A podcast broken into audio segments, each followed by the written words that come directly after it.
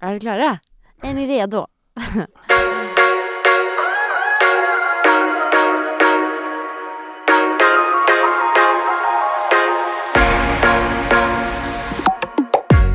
Hei på deg, og hjertelig velkommen til Alsgaard Olafsen. Det er en strålende dag i Oslo sentrum. Thomas Alsgaard sitter her med stjerner i øya.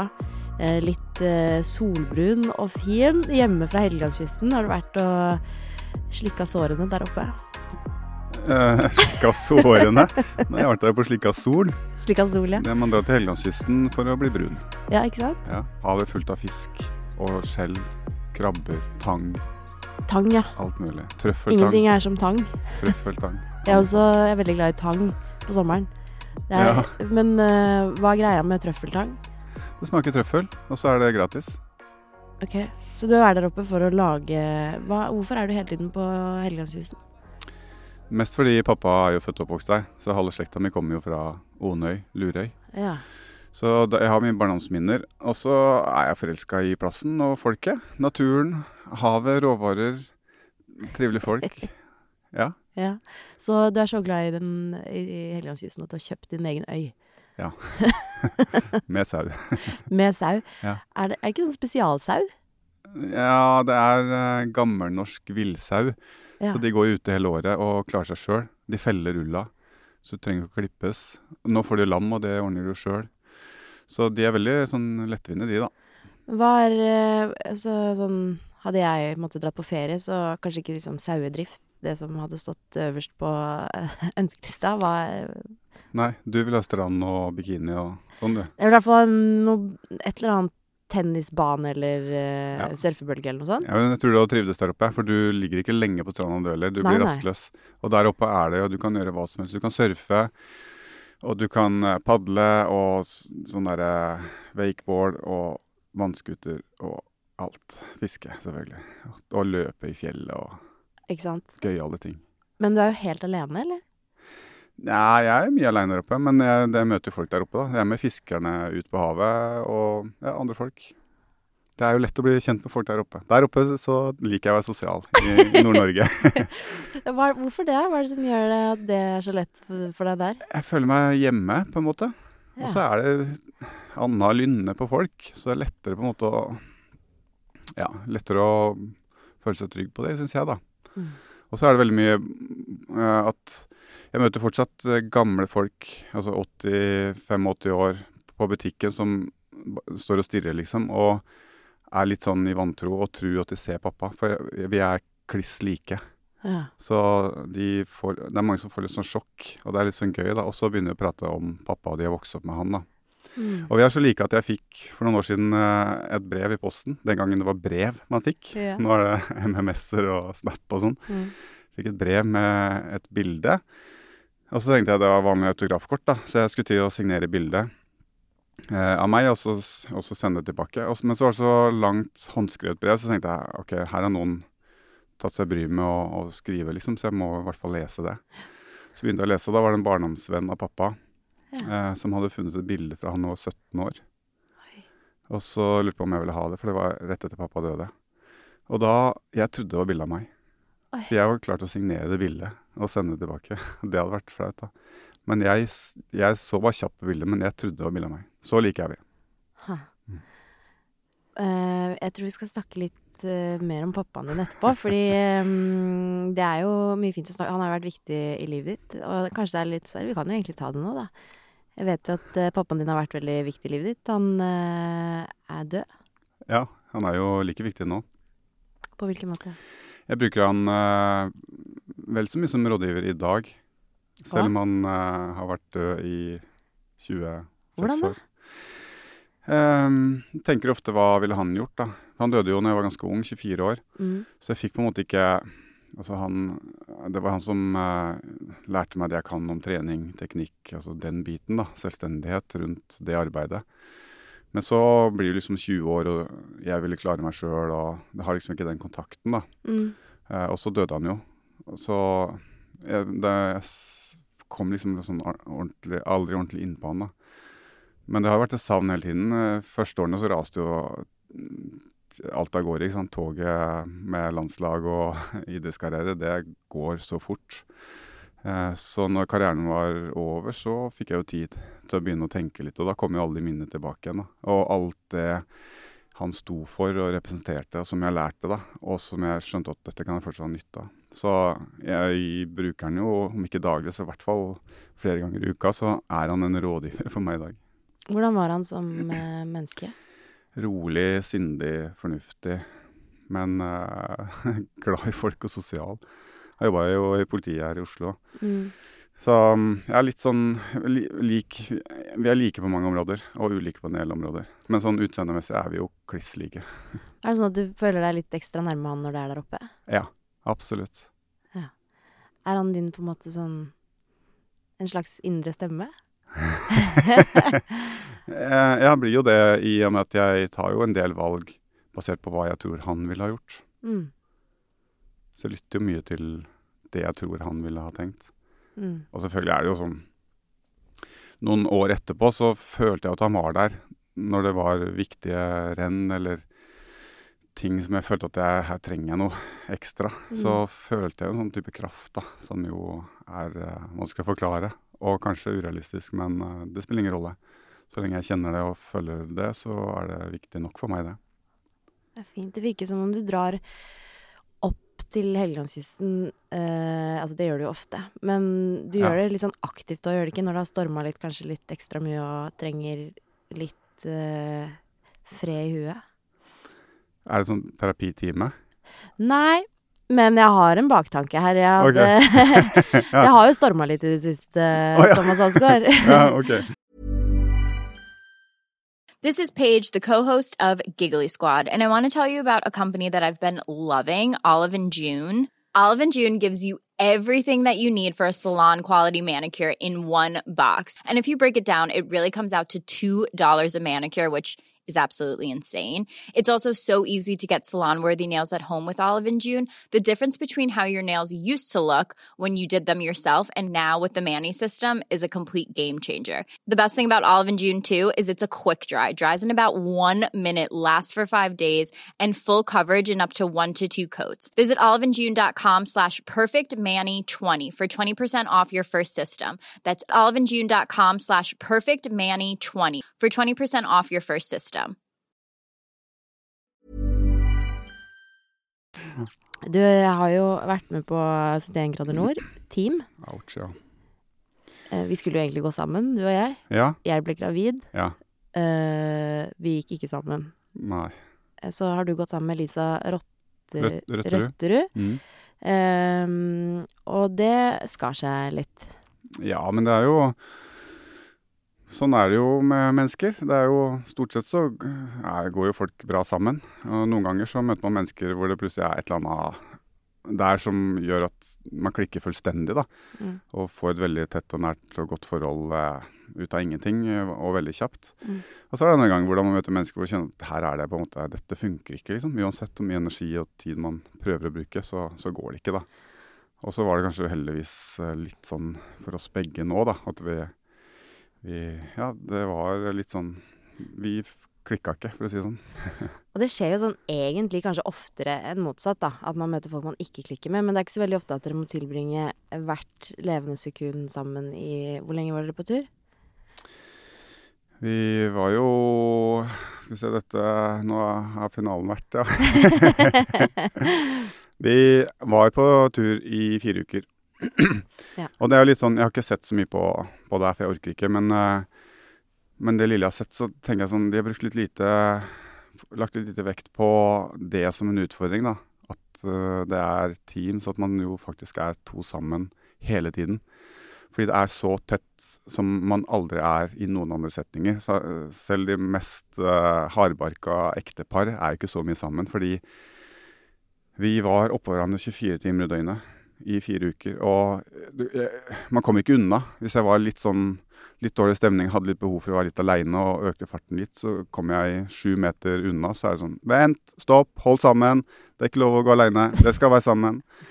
Og sånn er det hele tiden. da. Så du får aldri fri. Og stort sett så går jo ting veldig bra, men av og til så er det liksom litt gnaging og litt dårlig stemning hele dagen. Mm. Og når kvelden kommer, da, så skal man jo inn i det forbaska tomannsteltet. ja. Så man får liksom ikke komme, satt seg litt unna og få tenkt gjennom ting og, og landa litt ting, og så møtes igjen. da. Så du får liksom aldri fred. Mm. Og det gnagde jo på alle, da. Ikke bare meg og Lisa, det, altså, det var alle fire parene. Hadde akkurat de samme utfordringene. Mm. Så har de klippet litt forskjellig, antageligvis, da. Hva de ønsker å vise fra, fra de forskjellige, det har ikke vi noe makt over. Men, men alle sleit jo med det samme. Det var en kjempeinteressant utfordring, det må jeg si. Og det som eh, fikk store oppslag, og det som eh, kanskje flest folk har hengt seg litt opp i, eh, er jo når dere kom eh, ned fra en lang tur, eh, ned i Rjukan sentrum. Eh, så var det en situasjon der Elisa ja, meldte litt på deg. Hun skrøt litt av deg, egentlig. Og du tok det personlig og klikka, som det sto på forsidene.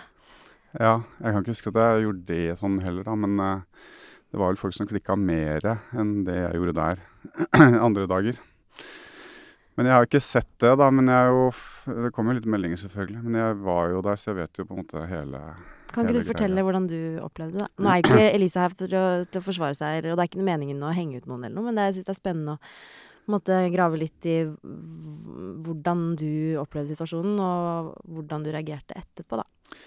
Nei, men det er ikke noe, jeg har ingen grunn til å forsvare noe som helst. eh, Men det man må liksom huske på, er jo at det er jo fire team da, som har ett eller to kameraer med seg 24 timer i døgnet i tre døgn. Mm. Og så skal det klippes ned til 40 minutter. Så det skjer jo ufattelig mye. Det skjer ufattelig mye bra. Utrolig mye mestring. Og så er det også mye sånn gnaging og ting som ikke er bra. da. Og så er det på en måte prisgitt hva en produsent eller hva de ønsker å, å lage av eh, story. da. Mm. Eh, og og der er man på en måte maktesløs, da. Så mm, hva det endte med akkurat den episoden, det vet jeg ikke så mye. Men Det som skjedde, var jo altså Om du ikke klikka, så ble du i hvert fall sint. Eh, sa tydelig fra at eh, eh, du ikke ville bli snakka til på den måten. Eh, og du mente at det var mobbing. Så det traff jo i hvert fall jeg som TV-seer eh, opplevde at det traff noe personlig, fordi hun mente at du var så introvert, og det at du da tok kontakt med en vilt fremmed var en eh, prestasjon, da. det er jo litt introvertes utfordring og dilemma, da, som jeg har kjent på hele livet. At hvis jeg plutselig føler jeg har mye energi og, og har liksom en sånn Ja, plutselig føler for en dag at det er ålreit å, å ta kontakt med folk og være litt sånn aktiv og, og være litt sosial, så blir det med en gang brukt imot, da. Eller da blir man en, på en måte liksom behandla som en unge, da. 'Å, så flink du er'. Og så var det jo ikke Det var ikke én gang det skjedde den dagen der. Det var jo type sånn Når jeg fikk nok, var det kanskje sånn åttende-niende gangen på, i løpet av et par timer. Det var jo sånn hele tiden. Mm. Og så putta han femmer på han der i dag, og, og herregud, så flink du er, og alt sånt der. Eh, og så er det også sånn Og når man blir frustrert eh, og trekker seg tilbake som introvert og blir stille, så blir jo det forveksla med at man er sur. Så man får hele tiden høre at man er sur eller arrogant. Så det er en del sånne ting som som jeg syns er sånn kjipt. Og nå er jeg 50 år, så jeg har lært meg disse mønstrene, og sånn er det bare. liksom. Jeg orker ikke å bry meg så mye med det lenger, da. Men, men det er litt, litt eh, kjipt at man kanskje ikke har litt annen forståelse av For Lisa er jo helt annerledes. Hun er jo så flink til å uttrykke seg og, og vise følelser, og et altså helt andre enden av skalaen enn meg, da. Mm. Uh, og så kan jeg tenke at det er litt sånn slitsomt i lengden, men jeg må akseptere at hun er den hun er. Det er sånn hun trives med å være, da. Mm. uh, da må hun også akseptere at jeg også har mine ting, da. Mm.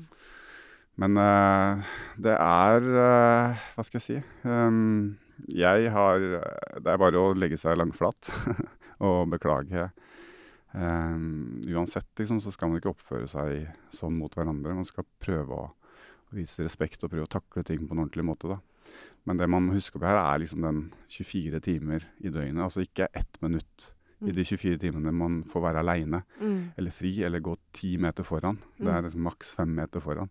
Så, så det er liksom Ja, du får aldri den, den tida til å få roen, da. Få landa noe, liksom. Og så kan man kanskje møtes igjen. Mm. Og noen har kanskje mer behov for å få den roen og lande litt.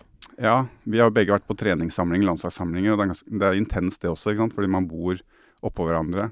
Og man trener sammen hele dagen, man spiser sammen. Man er jo sammen egentlig hele tiden, og man er trøtt og sliten og sulten. Og da, over tid, så blir sånne små ting gnager litt, og så, og så er det Det smeller jo jevnt og trutt, da. Mm. Og sånn må det liksom være, da. Mm. Men selv på nasjonalsamling så kan man jo som mild, så kan man jo bare trekke seg unna Mm. en kveld.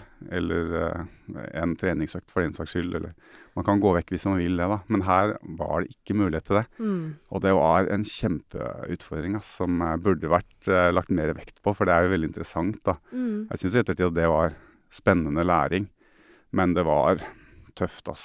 Og jeg hadde det jo ikke bra. Jeg trivdes jo ikke i det hele tatt. Ja, for jeg syns det er veldig rart å se på sitt, eller ha sett på denne sesongen her, for jeg føler at jeg kjenner deg litt. Uh, men jeg kjenner ikke igjen den Thomas som er der.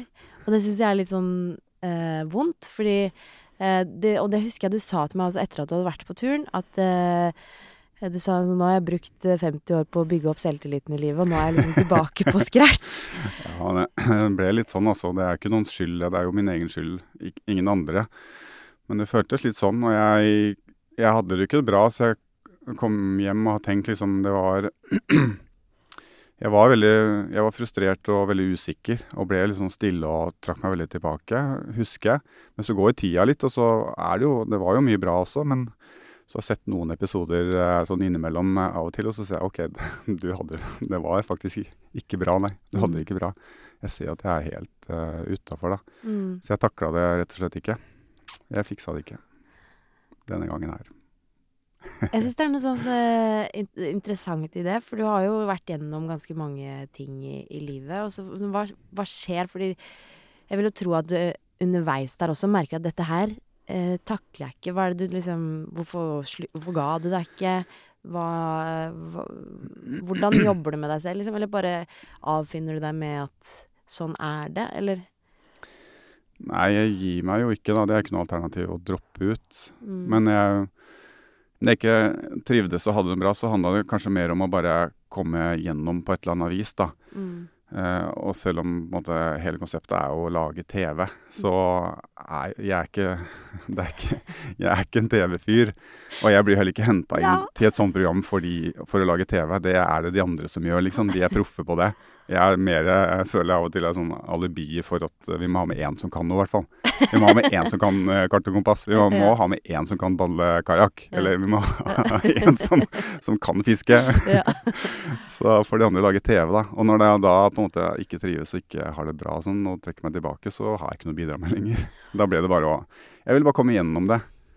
Jeg ville ikke trekke meg eller bli slått ut med vilje eller noe sånt, men bare på et eller annet vis for å komme gjennom og så komme seg hjem.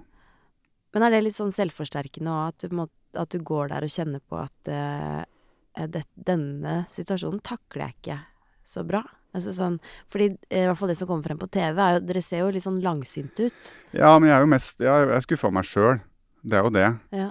Eh, så blir det jo liksom Jeg får mye kritikk for at jeg er urettferdig eller behandler andre dårlig, men det er jo Jeg går i meg sjøl og er selvkritisk. Mm. Ekstremt uh, skuffa og, og um, misfornøyd med meg sjøl, egentlig. Det, det er jo det som gjør at jeg trekker meg fullstendig tilbake og begynner å gruble gjennom hvorfor klarer jeg ikke dette her, eller hva skal jeg gjøre, hvordan kan jeg komme ut av det. Mm. Men det blir også feiltolka fort, da, dessverre. Fordi jeg er ikke noe flink til å uttrykke meg så, i sånne situasjoner. Jeg blir stille Mm. og vil bare være aleine eller trekke meg inn i meg sjøl, da. Mm. Dessverre. Har du fått uh, mye kommentarer og meldinger uh, på det? Det er jo alltid mye mm, rart eh, som kommer når man stikker fram trynet. Så Ja, kommer det noen kilevinker, da. Og det er jo vondt selvfølgelig når du får eh, kritiske meldinger eller rett og slett hat. Så er det vondt der og da. Hva er det de skriver? da? Men så er det jo da, hvis du får det litt på avstand og, og får litt sånn overblikk, liksom, og, og det det, tross alt så var det to tullinger som krangla på Hardangervidda i et tullete reality-program. Ja ja. Det er krig i Ukraina, liksom. Ja. Eh, så er det jo mye morsomt da, i de meldingene. Og det er jo Jeg får jo melding sånn Det var en som mente at jeg, nå nå var det på tide at jeg fant meg noe Eller prøvde å få til noe utafor TV. ja. ja. ja. Ja. Har du tatt det til deg? Jeg skal vurdere det. Jeg skal prøve å, å se om jeg kan klare å få til noe også utafor TV. Jeg ble vippsa en gang, jeg. Det var eh, to kompiser som hadde på en måte starta sin egen lille innsamlingsaksjon. Ja. Så jeg fikk ti kroner fra hver eller noe sånt, med Ja. melding om at uh, her er det første lille bidrag, så du skal slippe å være med på flere reality-programmer. Jo, men da, da kan du gjøre butikk på det. Ja. Så det kan du jo gjøre til på en måte en inntektskilde, da. ja. Men når du er liksom introvert og eh, jeg, opp, jeg må bare si, jeg opplever jo ikke deg som introvert. Nei, det er fordi vi kjenner hverandre godt, da. Og Ja. litt, har en del like ting. Og, og jeg føler meg veldig trygg på deg, og du er sikkert trygg på meg òg. Så Mm. Eller praten flyter flyter veldig lett, da. Du er liksom en av de jeg snakket lengst med på telefon. Ja, Her om dagen så så jeg på klokka 1 time og 20. ja shit. Jeg hater jo å prate i telefon. Ja.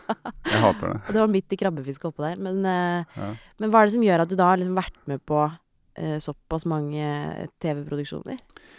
Ja, Det er jo fordi jeg sa nei i 20 år til alt. Altså nei, uh, no man.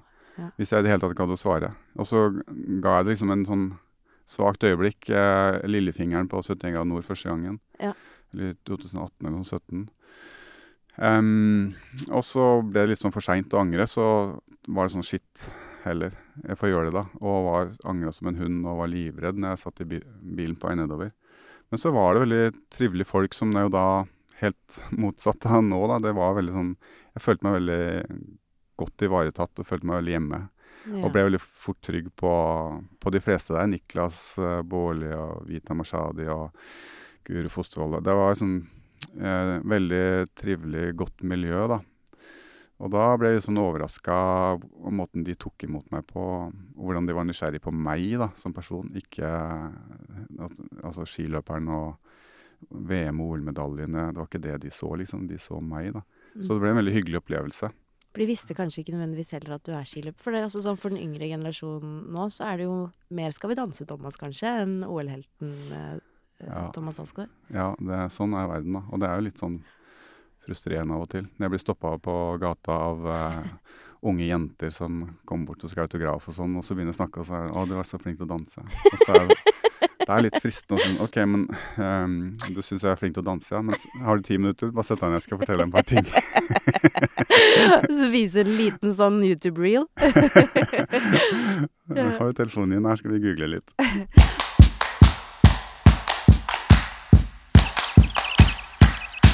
Ja, men det er jo gøy, fordi du har jo eh, Det jeg syns eh, Det jeg beundrer deg mest for, kanskje, er jo at du har aldri hatt en jobb.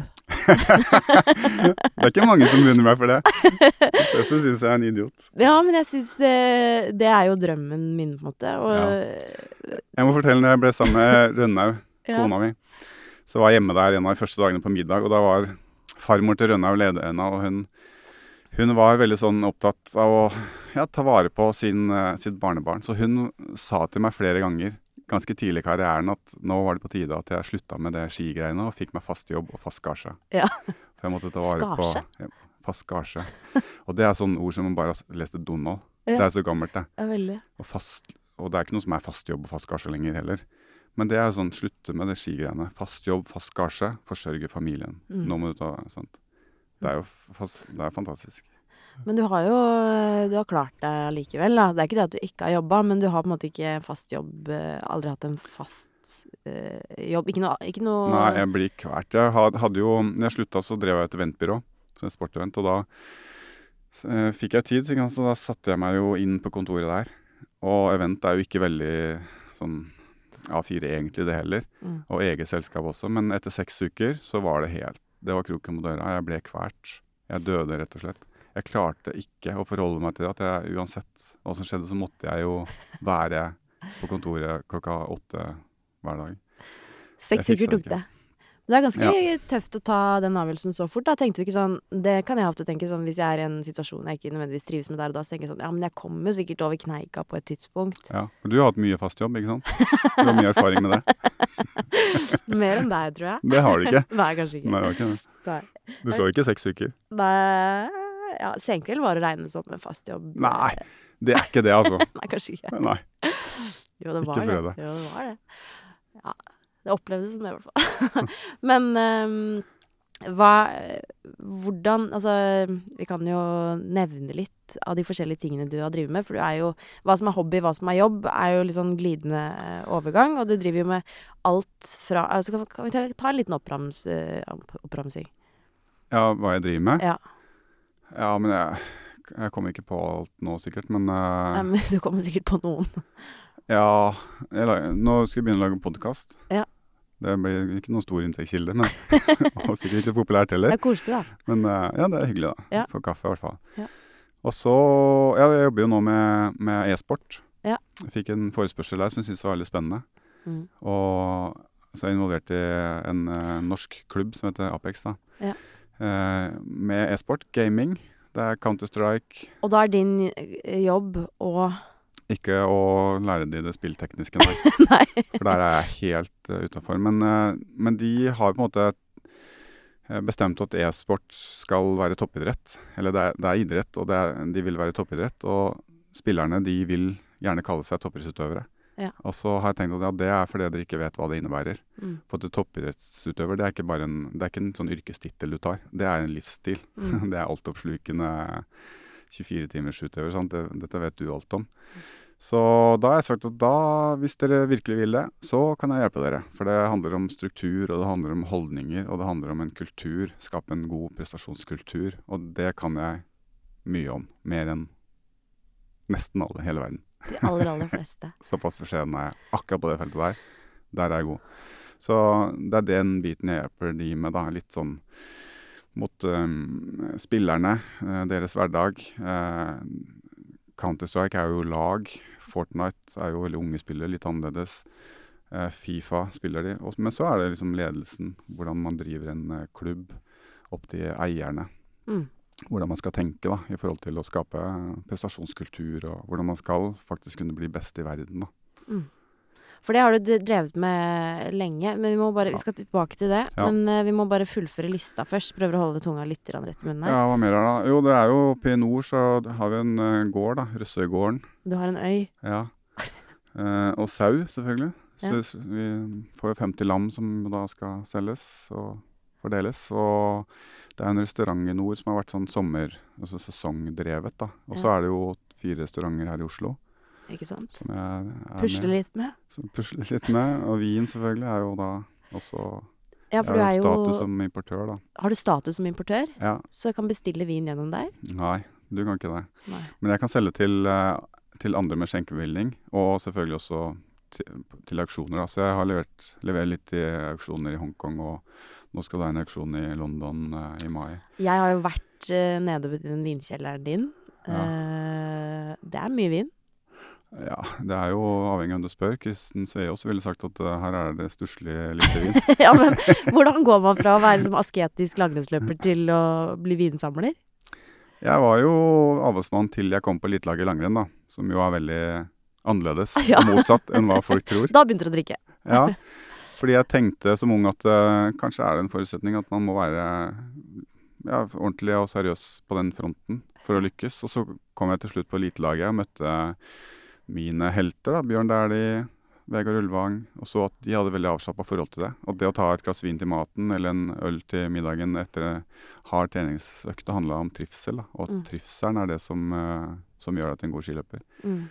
Så begynte jeg å tenke litt annerledes og teste meg fram litt. Da. Og vin er det jeg syns var mest fascinerende. Både fordi jeg, det er mye smaker rundt i hele verden, men også den bransjen. Da. Jeg har jo snakka med noen av de beste vinprodusentene i verden, og det er sånn det er det samme som Petter Baarli. Vi snakker om det samme. Ja, men det er dette som Mm. er veldig gøy med deg, Thomas. Fordi du har jo eh, altså det er nesten litt Det har jeg lest et sted også, at gutter er mer sånn altså det, De har mer sånn autistiske tendenser. De har lettere for å liksom få hangups på ting. Men jeg kjenner ingen Ja. som på en måte følger det så intens. Altså du blir så god i alle disse tingene du Nei, nå må vi ta oss fem minutter. Ja, du blir ikke verdensmester, Nei, men, du, ikke. men uh, du blir veldig god. Nei, fordi jeg, jeg har så mange interesser, så jeg blir ikke god i noen ting. Så jeg kan ingenting. Ikke Jeg kan bitte, hvor bitte lite grann om veldig mye, men Ok, Ikke sammenlignet med hvor god du var som skiløper. Det er ikke det jeg sier. Vi, vi har samme forståelse av hva det vil si Ja, å ja, være god. Ja. Men eh, du er allikevel du, du forfølger interessene dine på et litt annet nivå enn vanlige folk. Ja, det dabber sånn sakte, men sikkert av. Jeg er blitt flinkere til å hoppe av tidligere nå. Men hva er det som vin, gjør at du mat og liksom vin, det tok jo av For det starta med for mange år siden, da. På slutten av min karriere møtte Terje Næss, uh, som jo er fortsatt, mener jeg, en av Norges, eller verdens tre beste kokker. mm. Og vinfolk og sånn, og da tok det helt av, ja. Så den vingreia tok helt av. Men nå, ja. Men hva er det som gjorde at det liksom Det fanget deg? Den, det er fascinasjonen for den verden, da, med de produsentene. De, å møte, det er jo et landbruksprodukt, da. Å møte bøndene og høre hvordan de på en måte, hvilken filosofi de har. da. Jeg husker det var Romane Conti en gang, som jo er de dyreste vin i verden, og lager det beste vin i verden. og Det er sånn eh, det er som å slippe en guttungen i en godtebutikk. Sånn. Det var helt vill. da, For Fløy rundt og tok bilder og høyt og lavt og krabba over ting. Og så var det en som sa hei, kanskje de, det ikke er lov å ta så mye bilder her nede. Kanskje du skal spørre først, i hvert fall. Og så gjorde jeg det, gikk jeg bort og så sa beklager, liksom. Jeg tok, tok litt overhånd her. Jeg ble ivrig. Jeg tok masse bilder. Jeg kan slette det hvis det Og så så han på meg han, hvorfor det? Her nede har vi ingen hemmeligheter. Mm. Her er det bare hardt arbeid. Og så sa han liksom det er Veldig mange produsenter rundt oss kan lage like god vin som oss, men de orker ikke å gjøre jobben. Mm. De vet hvordan de skal gjøre det, men de orker ikke å gjennomføre det. Og det er jo idrett. Det er toppidrett. det. Mm. Det er akkurat sånn det er. Det er ikke noe hokus pokus å bli best i verden i bordercross eller langrenn, liksom. Du må bare gjennomføre det. Men er det noe av motivasjonen din? eh, å møte disse menneskene Jeg syns det er gøy. Ja. Jeg synes det er spennende at uansett hvem du møter, uansett hva de driver med, hvilken bransje, hvis de er dyktige, Ja. det, er, det er, handler om akkurat det samme. Hva er det, da? Er det vinnervilje? Nei, jeg vet ikke. Det er bare en sånn passion, tror jeg. Mm. At du har liksom hjerte og sjel, og du liksom At du gleder deg til hver morgen. Du står klokka sju hver morgen og setter i gang. Hver dag. Og den driven der, Mm. som eh, Petter Baarli har fortsatt, liksom. Han er jo snart 60 år, har laget, altså, Når de skulle lage nytt album, så leverte han 1000 låter. Han sitter hjemme og lager to-tre låter hver dag. Jeg elsker det. Står opp om morgenen, tar gitaren, begynner å spille. Og så har han laga en låt, og så tar han frokost. Det er de, altså folk som brenner for noe. Jeg syns det er så gøy. Det er så spennende. Jeg elsker folk som brenner for noe. Ja, elsker det. Og vi skal få besøk av Petter Baarli og mange andre av våre rare venner. Ja, du er jo-. Og du er jo som du òg. Det er derfor jeg liker deg. Det er derfor det er så gøy å, å møte deg og prate med deg. Fordi du også brenner jo for det du driver med. Veldig. Sant? Når du skal først være med på Skal vi danse, så går du inn i det. Og selvfølgelig, så det, Du vinner jo det. Og så skal du Det begynne å. Og så melder du deg på sånn syngeprogram, Skal vi synge eller hva det heter for noe, som er jo helt idiotisk. Du har ingen forutsetning for det. Overhodet ikke talent. Nei. Men du går så inn i det, du legger så sjela di i det, Ja. at hva skjer? Jo, du vinner jo det òg. ja, men jeg er liksom som deg skrudd sammen der, tror jeg. At jeg syns det er veldig gøy å prøve å forstå og bli kjent med mennesker, og forstå hvordan eh, ting funker. Mm. Og lære mye på kort tid. Det syns jeg er veldig gøy. Eh, også, men jeg føler likevel at du er jo litt mer ekstrem. Du er nok det. Og så syns jeg du har vært så flink. Eller sånn Du har tatt ganske mange sånn utradisjonelle valg. Det er ikke så mange som har rally på timeplanen når du er eh, langrennsløper. Nei, men det vil jeg anbefale. Ja. På det sterkeste. Ja. Det er noe av det morsomste jeg har gjort. Altså Langrenn har jo vært min passion, og fortsatt er det hjertet og sjela mi, liksom. Jeg elsker langrenn og vil aldri slutte med det. Nei. Men det jeg virkelig savner kanskje mest av alt, det er rally. For du, de siste to åra som aktiv, cirka, var det ikke? Ja. Da kjørte du også rally. Kjørte fire år, da. To siste mens jeg var aktiv. Ja. Og to år etterpå, Da. Så du ga deg egentlig for å begynne med rally. Nei, det var selvfølgelig. Jeg fikk mye kjeft, da. Veldig mye kjeft. Fra ledelse og sånn. Ja, sponsorer, eh, pressemedia, Skiforbundet, For folk det var farlig, gata, eller? liksom. Ja, du du skal ikke tulle og fjase, liksom. Du skal, du skal trene. Du skal Mm. trene, du. Mm. Du skal ikke drive Du ha ikke tid til å kjøre rally. Mm. Det er litt sånn. Men for meg var det viktig gulrot, da. Det å kunne bare etter en lang, hard treningsperiode bare reise vekk, møte helt annet miljø, da. Det, ikke sant? For det prates ikke mye trening og kosthold i rallysirkuset. Helt annet, andre typer folk. Det er bare en sånn utrolig befriende sone i to dager, da. Og så kommer man hjem igjen, og så Dette føler jeg er en del av liksom store misforståelsen om Thomas Alskov. For jeg tror veldig mange tenker på deg som veldig seriøs, eh, alvorlig. Men for meg er du eh, et av de mest sånn lekne eh, Ja. Det er begge deler, fordi jeg får jo jeg fikk, Tidligere fikk jeg jo veldig ofte høre liksom «Å, Hvordan orker du å leve sånn A4-liv? Ja. og så ser jeg på deg liksom Hva snakker du om A4-liv? Du sitter i køen på veien til byen til kontoret ditt hver morgen. klokka sju, liksom, og hjem igjen i kø, og så på hytta på fredag, liksom. Jeg har ikke A4, jeg, jeg kan gjøre hva jeg vil, da. Men jeg har lyst til å dra ut og løpe, jeg. Eller hvis jeg våkner en morgen og ikke vil det, så gjør jeg noe annet. Gjør du det? Gjorde du det da Ja, du var aktiv? Absolutt. Det var så Og det var toppidrettsutøver. Du er så din egen herre at det er så lite A4 som det går an. Og så med jeg mange i bransjen. Andre Altså i eh, Ofte sånn ledelse, trener, leder i, i skiforbund eller, eller i langrennsverdenen, da. Som er sånn Hvis du bare hadde vært mer seriøs, du, Thomas, så kunne du ha vunnet virkelig mye. Ja. Og så tenker jeg Hvis jeg hadde vært mer seriøs, så hadde jeg jo slutta lenge før. Mm. Fordi For meg så var jo de, de frisonene uhyre viktige. da. Det å ha rally, eh, det å ha noe annet å kunne koble av med. Det var bevisst valg, da. Jeg gjorde det fordi det var viktig for å bli en bedre skiløper. Mm. Eh, Alle de tingene med jakt, fiske, å kunne ha frihet til å leve et godt liv, da. Mm. Det gjorde meg til en bedre skiløper. Mm. Så hvis jeg hadde vært mer seriøs Jeg kunne ikke ha levd som Bjørndalen. da. Han elsker jo det livet, og for han passer det perfekt. Jeg hadde jo dødd etter to måneder. Og han kunne ikke levd mitt liv, for det hadde blitt for slapt. Eller han hadde på en måte mista trøkket, da.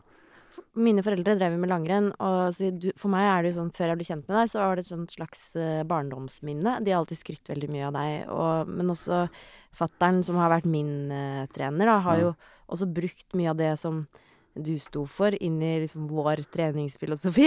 Men hvorfor det funka ikke på deg? Hvorfor eh, Du har ikke tatt det til deg? Morsom, du. Men da, da husker jeg blant annet at han sa veldig ofte sånn Thomas Alsgaard, vet du, trener mye mindre enn alle de andre. Ja. Gjorde du det? Jeg trente mindre enn de andre. Men det er litt avhengig av hvordan du regner, da. Fordi Men er det fordi du ja, Kan du ikke forklare det? jeg Fordi, trente mindre timer. Ja. Men eh, hvis du hadde regna kilometer, da, som kanskje er mer riktig å måle trening i, så hadde jeg nok eh, ganske likt som de andre. da. For de hadde mye større fart. ja. Så jeg hadde flere fridager, mindre treningstid, men høyere intensitet. da. Og det er jo mange måter å nå altså I utdannelsesidrett så er det jo Du har to ytterpunkter. Du kan trene lite med stor fart, Ja. Eller du kan trene veldig mye med lav fart. Men felles er at du må, du må ligge på grensen av hva kroppen tåler. da. Men hvordan du kommer dit, det er jo uendelig med løsninger, da. Jeg har veldig inntrykk av at den siste versjonen er mest populær om dagen. Ja, fordi det er jo uangripelig, da. Mm. Hvis du på en måte ikke lykkes i et mesterskap, så har de liksom Men jeg har trent 1200 timer. Mm. Hva mer kunne jeg gjort? Ja, ikke sant. Men hvis jeg da hvis jeg mislykkes i et mesterskap og har trent 700 timer, da, så er det sånn «Ja, Du trener jo ikke, det er ikke rart det går gærent. Du må trene mer. Hæ. Så jeg tror det er litt sånn forsvarsmekanisme i det også. Veldig Ja. sånn enkelt. Det er jo I toppidrett så er det jo det er nok av folk som vil, liksom. Nok. Så det handler jo kanskje om Altså de fleste feiler vel med at de vil for mye, da. Eller ikke tør å ta fri. Én fridag er det mange som klarer, da, men to-tre, da gnager samvittigheten. da. Mens jeg hadde kanskje fire-fem av og til, når jeg kjente at nå er det helt på felgen. Ja, du hadde det. Nå trenger jeg Ja, da har jeg hatt fem og seks fridager. Ja. Så det. Men var det fordi at uh, kroppen sa fra, eller var det fordi sånn uh, Eller måtte du liksom ha kjempelyst til å trene hver gang du trente? Du har jo hatt ja, det er jo kropp og hode. Ja. Ofte kropp, men også kropp og sjel, selvfølgelig. For å orke å legge rett energi i det og gjennomføre det på en god nok måte, da, så må jo hodet være med også. Jeg leste et sted det var en eller annen som sa at eh, 80 av eh, øktene Ja. var Ja. et helvete. Ja, jeg så hørte det, og, og da tenker jeg sånn Det er trist, ass. Hvis eh, 80 av øktene er et rent helvete, Mm. og man gruer seg, så ja. Det Hvor var ikke mange, det for meg. hvor mange var det for deg? Prosent? Cirka? Nei, noen økter er det jo selvfølgelig. Når eh, oktobermørket setter inn og det pissregner og er to grader, og du skal ut på rulleski, så er det ikke alltid gøy, da. Mm.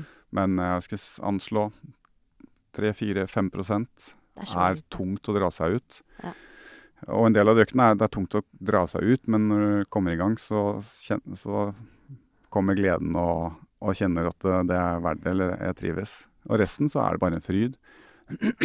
Jeg har sittet så mange morgener på trappa, eh, snører på joggeskoene, spiser siste brødskiva til frokost, og sola står opp, og tenker på alle som sitter i bilen i kø på veien til Oslo. Ja. Og jeg skal ut i en skog som er i ferd med å våkne til liv, liksom. Jeg veit jeg kommer til å se elg og rådyr. Jeg veit jeg kommer til å stortrives med Ja, jeg kan eh, stå på badet når jeg ønsker det.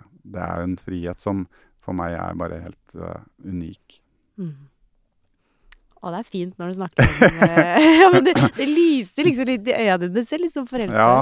Mm. det er litt sånn populært, var det en periode med utøvere som legger opp og får familiebarn og sånn, så får man til spørsmålet ja, håper du dine barn eh, gjør det samme som deg? Ja. Og så er det veldig sånn kult å si sånn nei, det har vært et blodslit, jeg håper de ikke gjør det, jeg blir veldig noe annet. Sånn, og så tenker jeg fy fader, nei.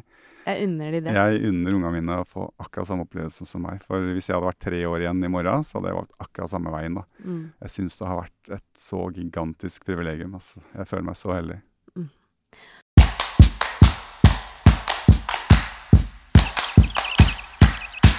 Apropos forelskelse, da. Ja. ja. Du har jo hatt veldig flaks med kona di. Ja. Hun har hatt uflaks, da.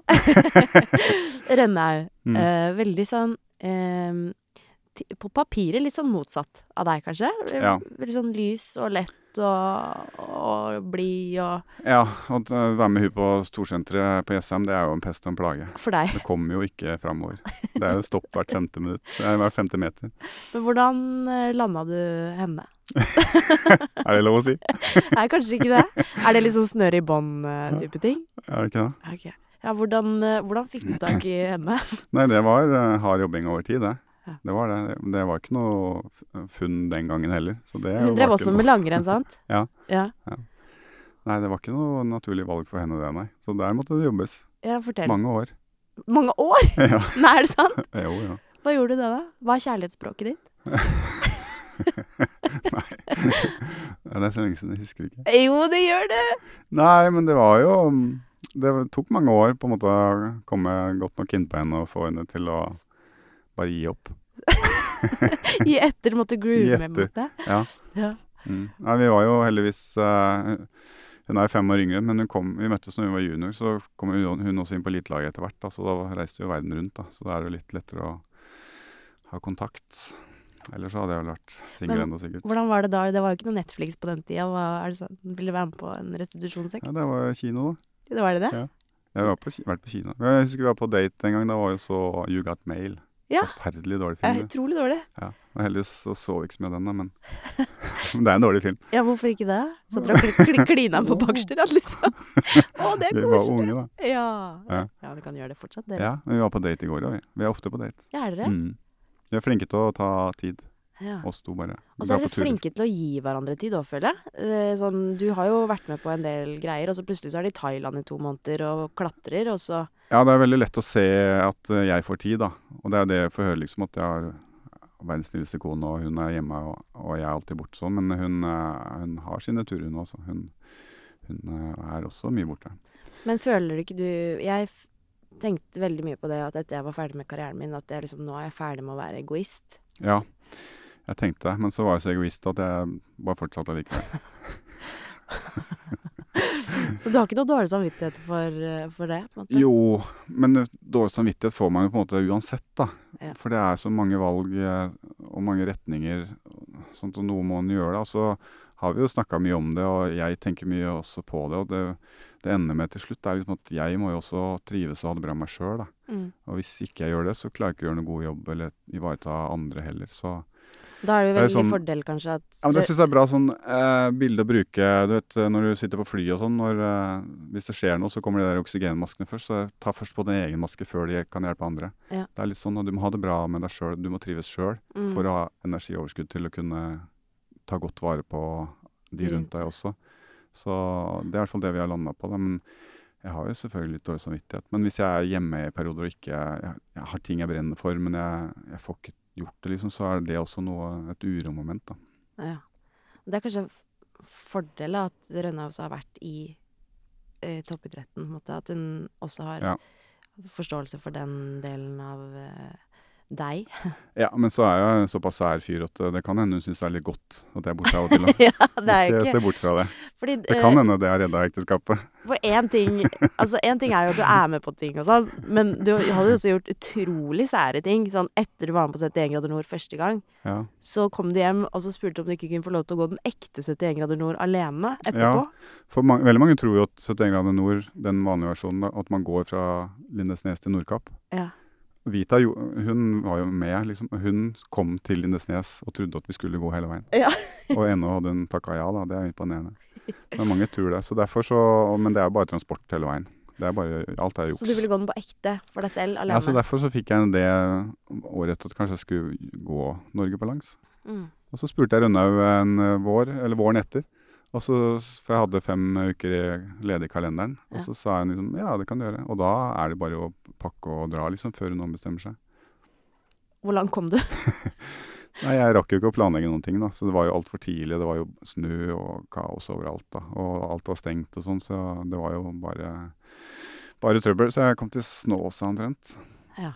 Og fant også ut at jeg, den ensomme ulven eh, trivdes ikke så godt aleine. Han gjorde ikke det. Nei. Det er litt fint, da. Ja. Fordi, fordi du ikke hadde noen å dele det med? Ja.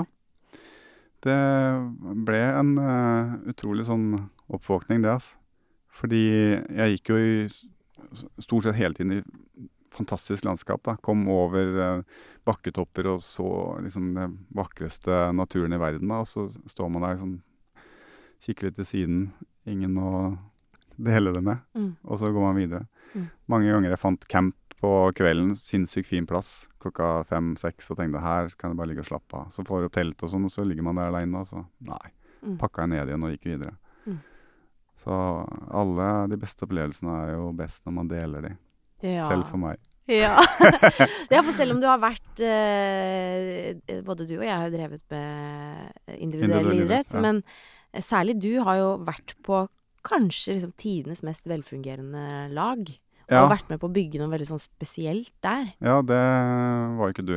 Nei. Der vet jeg du misunner meg. Ja, veldig. Ja. Eh, kan ikke du fortelle litt om hvordan det fungerte med liksom, Altså, Bjørn Dæhlie eh, var jo best.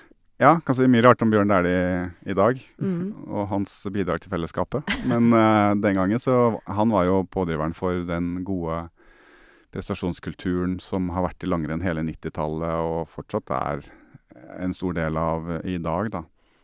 Han var jo eneren og frontfiguren som tok tak og virkelig ville. Um, så jeg har veldig mye å takke han for det han bidro med da, overfor meg. Blant annet at når jeg kom på Lillehammer, og, som jo var hans mesterskap, eh, tremila, hans distanse, og snappa det gullet foran nesa på han, så var det ikke noe misunnelse eller å bli trykka ned. Det var jo bare rett inn i hans favn og kom her, og så nå skal vi jobbe sammen, og jeg skal hjelpe deg hvordan du håndterer dette kaoset her nå. Mm. Du har vunnet OL på hjemmebane. Dette her eh, blir tøft, men jeg er med deg, med deg hele veien. Og så lagde en sånn arena for samarbeid, da, for at vi skulle kunne lære av hverandre. Men eh, følte du at han hadde baktanke med det? Eller følte du hele tiden at Ja, det var en rent egoistisk handling. Sant? Ja, absolutt. Men han gjorde ikke det for å være snill. Fordi jeg kom jo med en ny generasjon, da, med, med Altså, teknisk arbeid lå jo milevis foran det de andre gjorde på den tiden, særlig på skøyting. Mm. Så han var interessert i den biten. Mm. Eh, og så tenkte jeg at det er greit, jeg kan reise til Nonstad og la Bjørn få gå bak meg på rulleski eh, skøyting, fordi vi diskuterte jo mye på de Mm. turene. Snakka om trening og filosofi og forberedelser. Han eh, pøste jo på med sine erfaringer på alle andre områder, da. Mm. Så selv om vi var beinharde konkurrenter og tidvis liksom vers, verste rivaler i verden, da, så delte vi alt vi hadde av erfaringer rundt toppidretten. Da, fordi vi begge ville bli bedre. Og Mm. så må vi på en måte akseptere at ok, Da må jeg ja, Bjørn blir kanskje enda bedre enn meg, men, men min utvikling er likevel det viktigste. da. mm. Og sånn var det litt egentlig hele, hele landslaget på 90-tallet, følte jeg. Alle åtte var veldig sterke personligheter, men vi, vi ville hverandre vel, og vi ville på en måte i samme retning. da. Mm. Så utrolig kult miljø. Veldig kreativt. Ja, og en sånn eh, ting som jeg føler vi må bli flinkere til i, i som arbeidslivet og overalt. At den der forståelsen av at eh, man må liksom hjelpe hverandre på ekte. At det er en god ting for deg selv òg. At det aldri Eller sånn det er, Dette er ting jeg sier fordi jeg har Mm. hørt det blitt sagt, og fordi jeg hører på sånne som deg som forteller liksom Ja. hvor bra et lag kan funke. Har du hørt det på podkast? ja, for eksempel. Eh, Ja. Men jeg har egentlig aldri opplevd det helt sjæl. Sånn eh, hvordan et Jo, jeg, var, jeg hadde en kjempefin kollokviegruppe på Mm. lærerhøgskolen. Ja. Da funka det. Ja. Det var et lag som var liksom superbra sammensatt. Vi var veldig Ja. forskjellige mennesker. Hadde forskjellige styrker. Og det var liksom Da kjente jeg liksom på hvordan en gruppe liksom kan bli noe mer enn hver enkelt, da. Ja. Eh, men eh, jeg har liksom Det er ikke så ofte man treffer på de gruppene. Nei, men er ikke det gøy? Er ikke det Jeg elsker det. Ja. Og det, det er jo liksom mine beste venner til den dag i dag. Ja. Åh, jeg kjenner at eh, jeg kunne bare skravla videre. Dette er jo problemet, Thomas. det er alltid så mye spennende å snakke om, men vi har heldigvis mange flere episoder eh, å gjøre det på. Det er ikke bare den her. Det er ikke bare den her. Men jeg syns det har gått så fint. Du sa du grudde deg så fælt til å snakke om deg selv, men dette har jo vært en fryd. Ja. Så med en gang jeg påpeker det, så trekker du deg inn i skallen. Jeg skal ikke gjøre det. Jeg skal ikke gjøre det. Neste gang så Eller i hvert fall om ikke så lenge, så har jeg veldig lyst til å prøve å pirke litt mer i det som eh, eh, skjedde på 71 grader nord, som vi har snakket om i dag. Ja. Eh, få inn en psykolog, rett og slett. En som kan faget. Og dykke inn i Alsgaards eh, dype sinn. Kanskje mitt òg.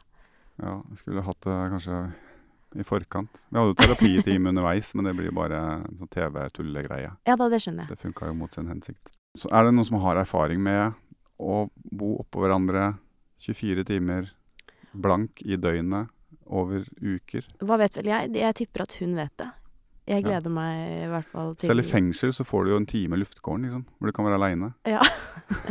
Fra cellekameraten din. Ja, sant. Ja. Nei, men jeg tror eh, det blir spennende. Jeg tenk, altså, vi kan jo skravle oss uh, i hjel, vi. Men uh, noen ganger så er det litt hyggelig å få inn folk som er skikkelig gode på ting, og spare Ja. litt med de òg. Ja. Veldig hyggelig at du ville høre på. Du som sitter her hjemme. Håper du har fått noe ut av det. Har du noen spørsmål, eller noe sånt, så er det bare å fyre av gårde i innboksene til både Thomas og meg på Instagram. Um, ja. Skal vi si takk Ja. for i dag? Det kan være godt. Tilbake til Sennepsrud. Ja. ja. Wiener pekan og litt kaffe på travlen. Og klatring i solveggen på låven.